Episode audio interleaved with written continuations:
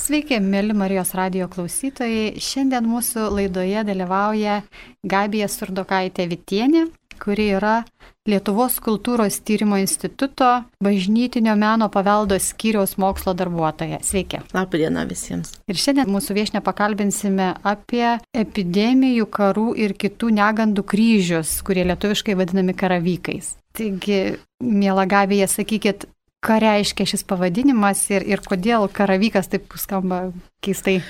Na, karavykas pas mus tapo tokiu bendriniu žodžiu kryžiui apibūdinti kryžių su raidėmis arba kryžiui, kuris statomas visų pirma nuo, nuo maro apsisaugoti, apsisaugoti nuo įvairių užkrečiamų lygų, vėliau nuo krušos, audros buvo statoma įvairiom progom tokiom, bet nuo tokių stichinių nelaimų, to, ką žmogus negalėjo visiškai valdyti.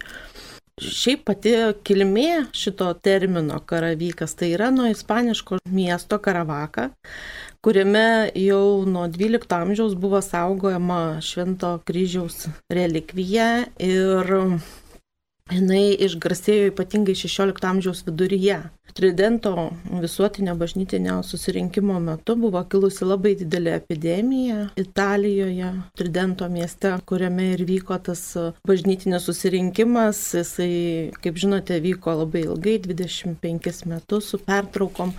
Na ir, ir faktiškai tos, tos maro epidemijos metu Vienas iš viskupų prisiminė būtent ispanišką tą kryžių, kuris saugojo Karavakos miestą nuo įvairių nelaimių, ypač nuo lygų, užkrečiamų lygų. Ir tada to susirinkimo dalyviai kreipėsi per tą kryžių Dievo pagalbos ir ta epidemija, maro epidemija atsitraukė žmonės neišmirė, faktiškai buvo miestas išgelbėtas. Ir taip išgarsėjo tas kryžius. Jo kopijos, jo replikos pradėjo plisti po visą Europą iš pradžių, vėliau išplito netgi ir Latino Amerikoje, Šiaurinėje Amerikoje. Ir iš pradžių juos nešiojosi piligrimai, jie buvo naudojami mažų kryželių, tokių pavydalų kaip medalkėliai, juos nešiojo prisektus prie drabužių arba prikaldavo prie namų durų, kad aps, būtent apsaugotų vat, žmonės nuo užkrečiamų lygus, pirmiausia, nuo maro epidemijos.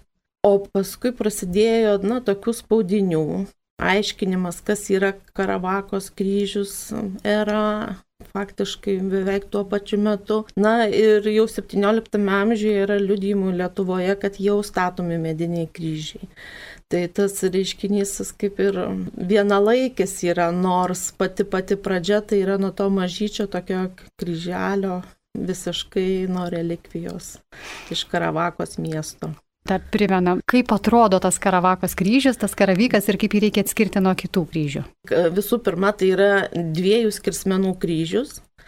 Lietuvoje, jeigu įsivaizduotumėm, tai būdavo statomi aukšti kryžiai, dviejų skirsmenų kryžiai ir, na, dar toks skiriamasis bruožas tai yra ant jo visada būdavo raidės. Ir tos raidės nėra šiaip savo, tai yra Švento Zacharijaus malda, Vyskupas gyvenęs 8 amžiuje, jis yra sudaręs maldą apsisaugantį būtent nuo lygų. Tai būtent to tridento susirinkimo metu, va to pirminė tos akcijos tokiu metu, ta malda ir buvo kreipiamas į Dievą. Ir vėliau tos maldos trumpiniai, jie buvo išražyti ir ant to originalaus Karavakos kryžiaus. Tai tos vat, raidės, kurios kartais mums nieko nereiškia, iš tikrųjų tai yra maldos trumpiniai. Švento Zachariaus malda, sudaryta 8 amžiuje ir tai yra citatos paimtos iš šventojo rašto ir daugiausia iš psalmių knygos atskiros citatos iš Jeremijo knygos, iš Raudų knygos, iš, nu, iš įvairių vietų. O kaip reikėtų žinoti, kaip melstis turint tą kryžių pagal tas raides? Tai yra labai sudėtinga iš tikrųjų, nes e, visą laiką būdavo leidžiamos specialios knygelės arba atskiri lakštai maldų su tomis maldomis ir išaiškinimais, kada ką kalbėti, nes e, statant kryžių būdavo kalbama ne tik ta malda, bet būdavo kalbama ir švento roko malda ir litanija šventą roką, šventos rozalijos malda, netgi kartais švento Benedikto malda mm, buvo tam tikra tvarka, tikrai sudėtinga. Karavakos kryžius arba karavyko kryžių pašventinti galėjo tik tai Benediktinų ordino kuningas arba su leidimu.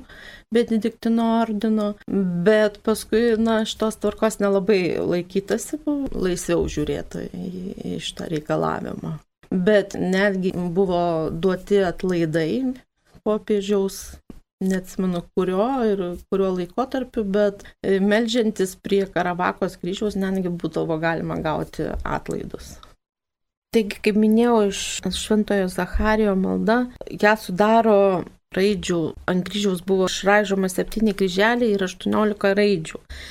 Tai iš tikrųjų yra rinkinys, na, tokių maldų, ir daugiausia citatų iš e, Senojo testamento. Taigi pirmasis kryželis reiškia Kristaus kryžiau išgelbėk mus. Toliau kalbame, uolumas tavo namams išlaisvina mus. Kryžius laimi, kryžius valdo, kryžius viešpatauja. Per kryžiaus ženklą išlaisvink mane viešpatė nuo šio maro.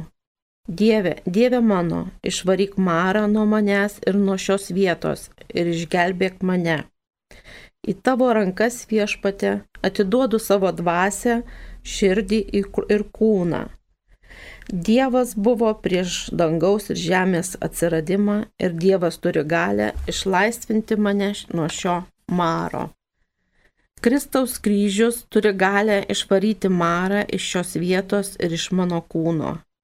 Gerai yra laukti Dievo pagalbos tylint, įdant nuvarytų marą nuo manęs. Aš palenkiau savo širdį tavo nuostatų vykdyti, visada kuo tiksliausiai. Nes aš pavydėjau bedieviams, matydamas nusidėjėlių pasiekimą ir pasitikėjau tavimi. Kristaus kryžius tegul išvaro demonus, pagedusi orą ir nuveja marą. Tavo išgelbėjimas esu, sako viešpats. Šaukis manęs ir aš išklausysiu tave ir išlaisvinsiu tave nuo šio maro. Bedugnė šaukė bedugniai ir balsu savo demonus išvarė, išlaisvink mane nuo šio maro. Palaimintas žmogus, kuris padėjo savo viltį viešpatėje ir nesekioja garbintojų stabų ir linkstančių į melą. Kristaus kryžius, kuris anksčiau buvo nešlovė ir paniekinimas, o dabar tapo garbė ir kilnybė, te būna man sveikata ir tai išvaro iš šios vietos velnę ir sugedusi orą, o iš mano kūno marą. Uolumas dėl Dievo garbės, te atverčia mane prieš mirtį ir savo vardu apsaugok mane nuo šio maro. Kryžiaus ženklas, tai išlaisvina nuo maro Dievo tautą ir tuos, kurie pasitikė juos. Nejau taip atsilyginsi viešpačiui paika tautą. Išpildyk savo pažadus, aukodamas šlovinimo auką ir pasitikėk juo, kadangi jis turi galę šią vietą ir mane nuo šio maro išlaisvinti, nes tie, kurie pasitikė juo, nebus sugėdinti. Te prilimpa mano liežuvis prie mano gomurio, jei aš nepaminėsiu tavęs. Išvaduok tavyje turinčius viltį, tavimi pasitikiu, išlaisvink nuo šio maro Dieve mane ir šią vietą, kurioje garbinamas tavo vardas. Tavo mirties valanda visą kraštą apgaubė tamsa. Viešpatie, mano Dieve, tegul tamsi bus ir silpna galybė velnio, nes tu gyvojo Dievo sūnus, Atėjai tam, kad sugriautumai piktojo velnio darbus, savo galybę atšauk nuo šios vietos ir nuo manęs, tavo tarno šį marą. Tegul nesveikas oras pasitraukia nuo manęs į tolimas tamsybės. Kristaus kryžiau, Apgink mus ir išvaryk iš šios vietos marą ir savo tarną išvaduok nuo šio maro, nes maloningas ir gailestingas esi viešpatie kantrus ir kupinas gerumo. Palaimintas žmogus, kuris nesekioja garbintojų stabų ir linkstančių į melą. Nelaimės dieną išgelbės į viešpats, viešpatė. Tavimi pasitikiu, gelbėk mane nuo šio maro. Dievas bus mano priebėgos uola, nes tavimi pasitikiu, gelbėk mane nuo šio maro. Pažvelk į mane viešpatė, mano Dievė, iš savo šventojo didybės sosto ir pasigailėk manęs, nes dėl savo gailestingumo išgelbėk mane nuo šio maro. Gydyk mane viešpatė, kad tik būčiau išgydytas, gelbėk mane, kad aš būčiau išgelbėtas, nes tu mano gyrius. Tai tos raidės, kurios užrašytos ant kryžiaus, reiškia, yra pirmosios maldos Lot, raidės, taip, lotynų kalba. Taip, lotiniškos, lotynų kalba raidės, bet uh, jos ir buvo, na, kaip minėjau, spausdinamos buvo lietuviškai, tik tai tų raidžių tada netitikdavo, pati raidė netitikdavo, bet na, tas raidės kaip formulė, o malda jau kiekviena šalis turėjo savo išsivertę. Lietuviai kalbėjo lietuviškai, vokiečiai vokiškai, čekai. Netgi čekiškai buvo išversta liaudžiai, kad suprastų, apie ką kalba eina. Šitas kryžius, kara, karavykas, karavakos kryžius turi dar ir kitų pavadinimų, vadinamas Maro kryžiumi, pavietrės, mhm. čia iš, Lenk, iš Lenkų kalbos greičiausiai vertinys, ar ne, pavietrės. Švento Zacharyjo, Švento Benedikto, Švento Roko ir netgi vyrų kryžiumi. Tai tokie pavadinimai, galbūt galėtume daugiau apie juos papasakoti, ar gal yra dar kažkokių kitokių pavadinimų? Na, čia tiesiog yra mūsų liaudiško tokio pamaldumo gebėjimas skirtingus dalykus sujungti į vieną nes, e, kaip žinote, yra atskiras Švento Benedikto kryželis, kuris irgi naudojamas apsaugai. Švento Zacharijaus kryžius tai jau tiesiogiai yra susijęs su Karavakos kryžiumi ir ta Švento Zacharijaus malda ir nuo čia kilęs toks na, sinonimas pavadinimas antras. Pavietrė tai ir yra maras, e, užkrečiama lyga tokia iš lenkų kalbos žodis kilęs. Ir tiesiog liaudiškam pamaldume tas ir buvo vienas suvokimas kaip vienas kryžius karavykas. Nors e, yra užfiksuota net ir nuotraukose, kad tos raidės išraižytos būdavo skirtingos. Vienais atvejais būdavo Benedikto kryžiaus sutrumpinimais, kitu atveju tas Zacharijos maldos sutrumpinimai. Na, tačiau tas toksai liaudiškas mūsų sinkretizmas, tas pamaldumas, jie visiems sujungia į vieną. Netgi dominikonai irgi turėjo savo Tomo Kviniečio kryžių atskirą ir maldas, kurias naudojo ir platino kaip apsisaugojimą nuo iškrečiamų lygų. Tai netgi ir Tomo Kviniečio galima sakyti, tai yra kryžius atskiras, bet vis vien visą tai liaudiškam pamaldume tai buvo susiję kaip su vienu kryžiumi ir nebuvo daroma griežta tipologija kažkokia arba skirstoma. Tiesiog žmonės ieškojo tos pagalbos, kreipdavosi į šventuosius arba tiesiog į Dievą, kalbėdavo tas jau įvairias maldas, egzistavo įvairios praktikos, tarp kitko, nes pavyzdžiui, vienose Lietuvos teritorijose buvo manoma pavyzdžiui, rytų arba pietryčių Lietuvoje buvo manoma, kad tokį kryžių reikia būtinai medį nupjauti ir pastatyti tą kryžių būtinai tik per vieną dieną, nuo aušros iki vakaro. Anksčiau, kitaip tas ne, nesuveiks stebuklas. Taip, stebuklas nesuveiks. Net ir kuningas jau tada pavakarę arba vakare šventindavo tą kryžių ir, ir vat, buvo ir toksai tikėjimas. Nu, tokių variacijų visokių buvo. Bet iš tikrųjų netgi ir 17 amžiaus leidiniuose, leistuose jezuitų spaustuvėje arba pranciškonų spaustuvėje Lietuvoje, tai šitą kryžių rekomenduodavo na, tą medalikėlį naudoti netgi ir plakant sviestą arba mm, perpilant pieną iš vieno indo į kitą, kad ne, nu, nesugištų tas pienas. Visokių tokių, tai ką mes dabar galėtumėm pasakyti, kažkokie tokie prietarai. Tai tuo metu tai buvo naudojama kaip na, tokia tikra apsisaugojimo priemonė nuo visokių tokių netikėtų dalykų. Ir Kada buvo Lietuvoje pradėti statyti šitie kryžiai ir, ir kaip jie iš tos Ispanijos atkeliavo, kaip, kaip čia taip atsitiko? Na, visgi tikėtina, kad su piligrimais ir su na, bažnyčios atstovais iš Tridento susirinkimo jau kartu atvyko, nes medalikėlių palaidojimuose jau datuojamų 16 amžiumi jų yra Lietuvoje kapuose randama. O paminėjimai archyviniuose šaltiniuose bažnyčios dokumentuose jau apie stovinčius medinius kryžius karavyko, taip ir vadinamas karavyko kryžiaus arba karavakos kryžiumi, tai yra 17 amžiaus viduryje tokie, nu, pirmieji paminėjimai, bet mes negalime išbraukti fakto, kad nebuvo jie statomi ir anksčiau, jau 16 amžiuje, nes tiesiog baž... tų pačių dokumentų specifika yra truputį kitokia, jie nebuvo tokie smulkus ir, ir ir taip smulkiai neaprašinėdavo parapijos teritorijos, kaip nuo 17 amžiaus vidurio, jie patys dokumentai yra daug smulkmeniškesni, todėl randam daug, daug įvairesnių tų paminėjimų. Toks jau tikras, tikras faktas tai yra 17 amžiaus vidurys, kada jau tikrai žinome, kad šitie kryžiai Lietuvoje stovėjo. Ir jie gaminami iš medžio turi būti, ar ne tik kryželiai? E, taip, iš medžio e, statomi, tiesą sakant, statomi jie buvo labai įvairiai. Buvo statomi miestelio vidury, buvo statomi bažnyčios šventoriuje, buvo statomi į tiek kelių, kiek sueina į miestą ar į kaimą, kiekvienam ant prie to kelio, kad būtent tokia kaip apsauginė siena gautųsi.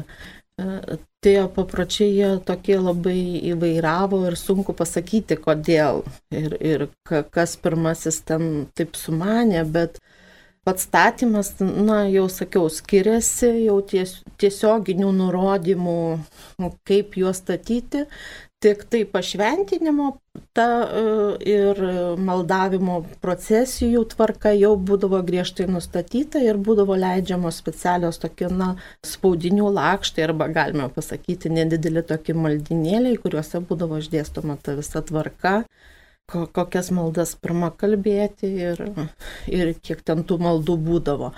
Na ir tos maldos taip jos truputį skirdavosi, priklausomai kas išleisdavo tą lakštą, nes jei benediktinų tai yra viena, jei yra jezuitų, tai jaučiasi truputį kita tokia specifika. Na ir dominikonai jie truputį įvesdavo savo tomo kviniečio maldą, kaip minėjau.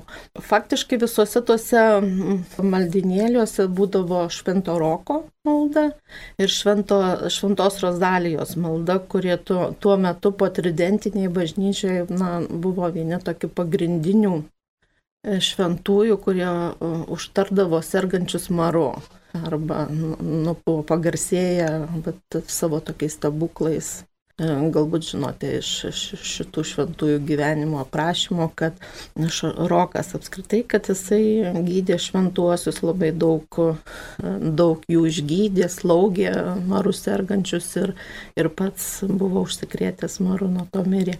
O šventoji Rozalija, jinai, jinai na, viduramžių šventoji, bet Jos kūnas Sicilijoje buvo atrastas 17 amžiaus pradžioje, galima sakyti, 1624 metais, 25 metais su iškilminga procesija jinai buvo perkelta į Palermo katedrą, tai jos, jos palaikai, tai tuo metu vat, ta, irgi vyko ten didelė maro epidemija ir vyko tokia didelė permaldavimo procesija ir miestas buvo išgelbėtas tuo metu. Tai jinai irgi po jos jos toksai gerbimas visoje Europoje išplito būtent dėl dėl to tokio vieno didelio stebuklo ir, ir maldai Šventą Rozaliją irgi būdavo tose ir Lietuvoje tose maldinėliuose, jinai buvo tuo metu labai 17, 18, netgi 19 amžiai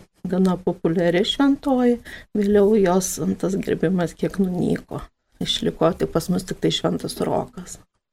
O tai kaip Benedikto?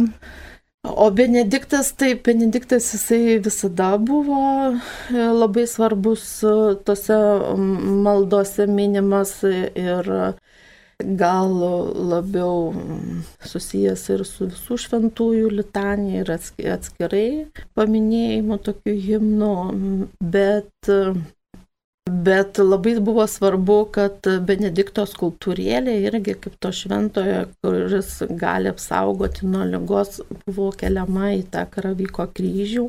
Čia jau yra, na, tokia lietuviška, galbūt labiau specifika, kaip ir Švento Roko kryžius, e, atsiprašau, Švento Roko skultūrėlė irgi buvo keliama iš tą karaviko kryžių, kadangi yra dvi kryžmos, tai viršutinėje būdavo nukryžiuotas tisis, o apatinėje būdavo koplytėlė su kokiu nors šventuoju, arba netgi žemiau ant liemens būdavo prikalama ta skultūrėlė. Tai Na, užtat mes matyti ir turime tiek daug to paties kryžiaus pavadinimų, nes ir Švento Roko kryžius, ir Švento Benediktino jau, ir Benedikto, atsiprašau, ir, na, daug tokių pavadinimų atsirado.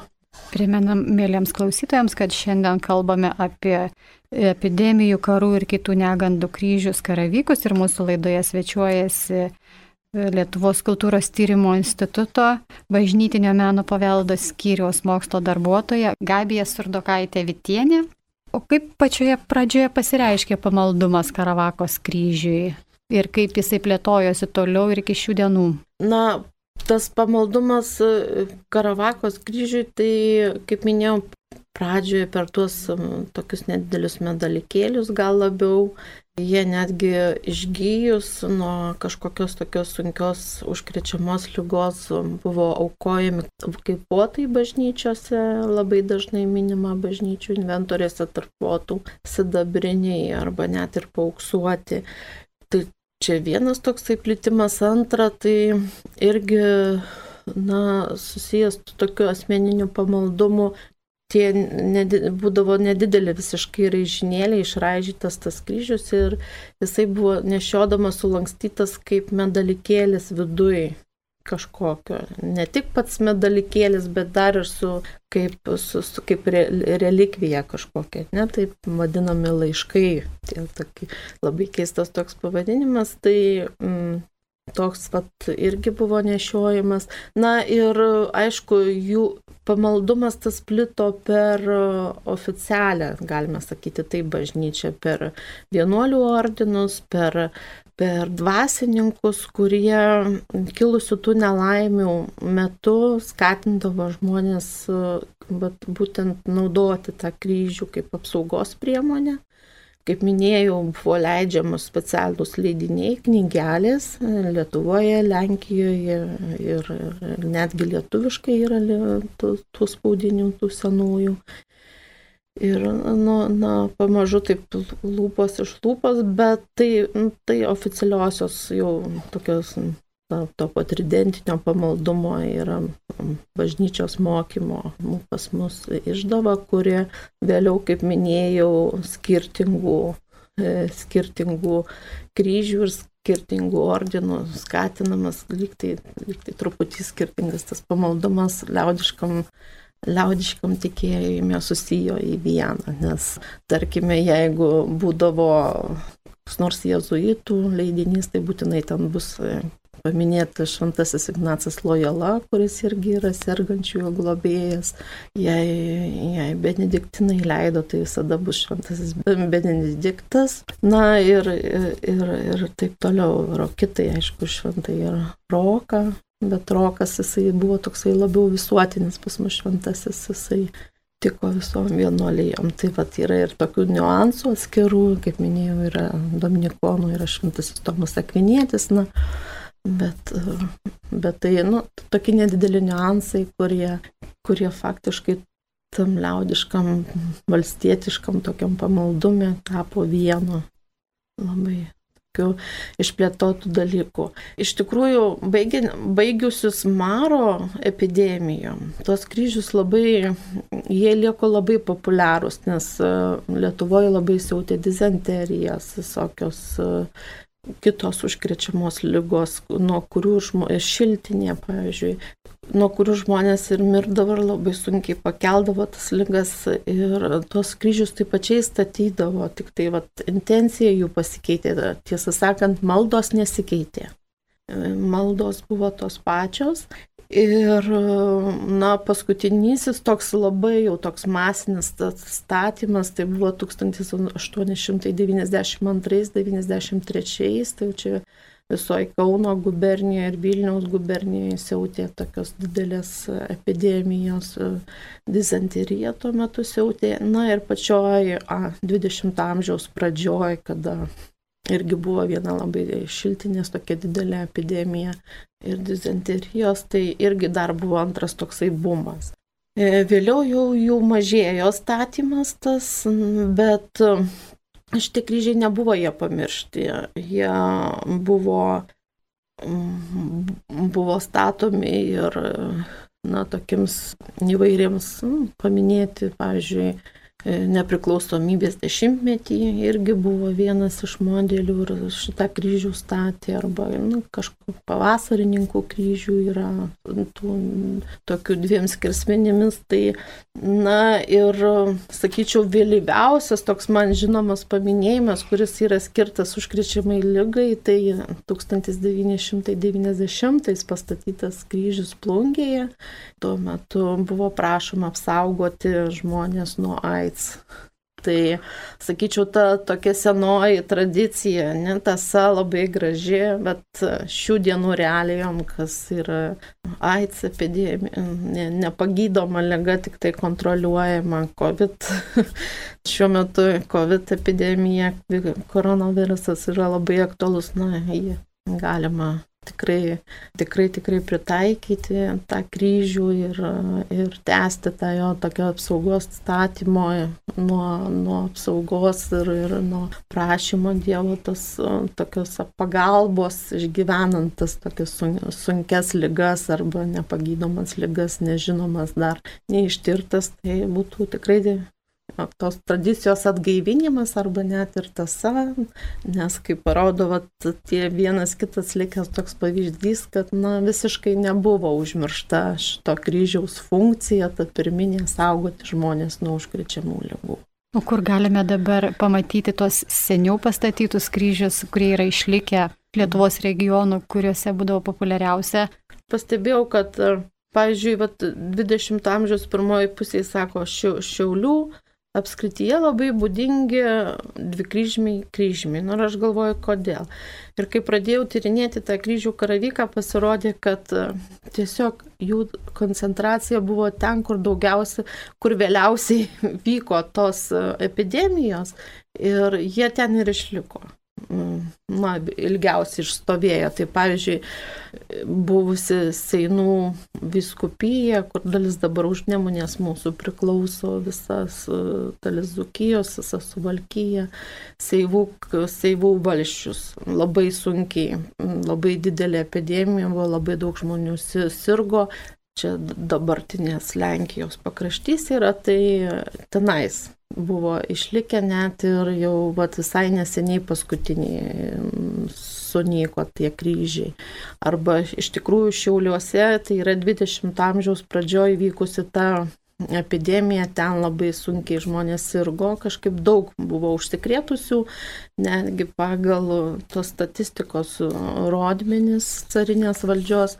Ir, ir kažkaip būtent tenais buvo daug jų pastatyta, daug išlipo, iš, išliko. Taip pačiai kaip ir pietryčių Lietuvoje, 20-ojo amžiaus pačioj pradžioje irgi kažkodėl tokie va epicentrai, nors atrodo vyko ta epidemija visoji, nu, šitam vadinamam šiaurės vakarų krašte, Kauno Vilniaus gubernijose, bet būdavo tam tikri tokie kažkokie epicentrai. Na, Šiaulių miestas tuo metu pakankamai didelis buvo, galbūt užtat, man sunku paaiškinti dėl to. Kaip minėjot, buvo padaryti relikvijoriai, mhm. kurie atsidarantis ar ne kryželiai. Kas ten būdavo juose laikoma? Tai būtent tas popierinis atspausdintas tos Karavako kryžiaus toksai atspaudėlis, nedidelis su tom raidytėm. Ir, ir tenais laikoma kaip relikvija, na, čia jau tokias kaip iš liaudiško pamaldumo tokia, tokias rytis, o, o, o daugiau tai nieko tenais, tik tai, na, toksai kaip. Jisai matyt buvo arba pašventintas tas paveiksliukas, arba jisai na, laikoma kaip antrinė ta relikvija, tokia iš jau už ja, e, atkeliavusi iš Ispanijos arba iš, iš Tridento miesto prasidėjęs pamaldumas kaip nuo prisėgamų kryželio ar ne, kaip mm. tvirtinamų prie durų, nešiojama ant kaklo ir paskui išauga į didžiuosius kryžius, ar ne, kurie, kurie buvo statomi ir, ir kryškelėse, ir, ir, ir miestelių centruose, o bažnyčių viduje būna tokių kryžių? Ar kapinėse? Taip, kapinėse šventoriuose tokie kryžiai buvo statomi netgi šventinant pačią e, teritoriją kapinių arba šventoriaus teritoriją. Tas didysis kapinių vadinamas kryžius ten buvo buvo statoma tenais e, tokie kryžiai. Na, o pačiame bažnyčios viduje tai galbūt tas, na, toksai vienintelis atvejis, tai tirkšliuose mes turime išlikusi procesijų altorėlį, kuris vietoj mums įprasto retabolo turi mat, e, tą kryžių karavyką, kryžių su dviem kryžmom. Iš vienos pusės yra veidrodėliais puoštas, iš kitos pusės yra išraižytos būtent e, raidės, tai Švento Zacharijos maldos e, trumpiniai. Na ir papildomai puoštas tas altorėlis buvo nukryžiuotojo skulptūra ir, ir vietos skulptūra. Tai Dabar dar negirdėjot, kad būtų pastatas naujas kryžius būtent šiai paskutiniai epidemijai? Ne, negirdėjau tikrai. Bet būtų verta, ar ne? Net, aš sakyčiau taip, taip, nes čia ta, tokia tikrai, nu, toksai sena tradicija ir besitėsinti pas mus be pertraukio tikrai būtų labai gražus oficialioji bažnyčios valdžia, vyresnybė arba net ir vietos dvasininkai, jie nelabai kišosi į paties kryžiaus statymo procesą ir, na, tam tikrus tokius papročius. Tik tai ta oficialioji dalis, jau pašventinimas ir, ir, tai ir procesijos vyko taip, kaip jau priklauso vykti kaip pagal liturgiką. Nes, pavyzdžiui, vienur tai buvo tikima, kad statant tą kryžių dar reikia visą miestelį aptverti drobėmis. Ir tos drobės moterys sausdavo irgi nuo aušros iki vakaro ir tada statant kryžių aptverdavo drobėmis. Na, matot, visiškai e, kito pasaulio atrodytų atėję kažkur, nes tos drobės kaip apsauga nuo, nuo visokių nelaimių, nuo pavojų, tai yragi mūsų folklorė labai dažnai minima.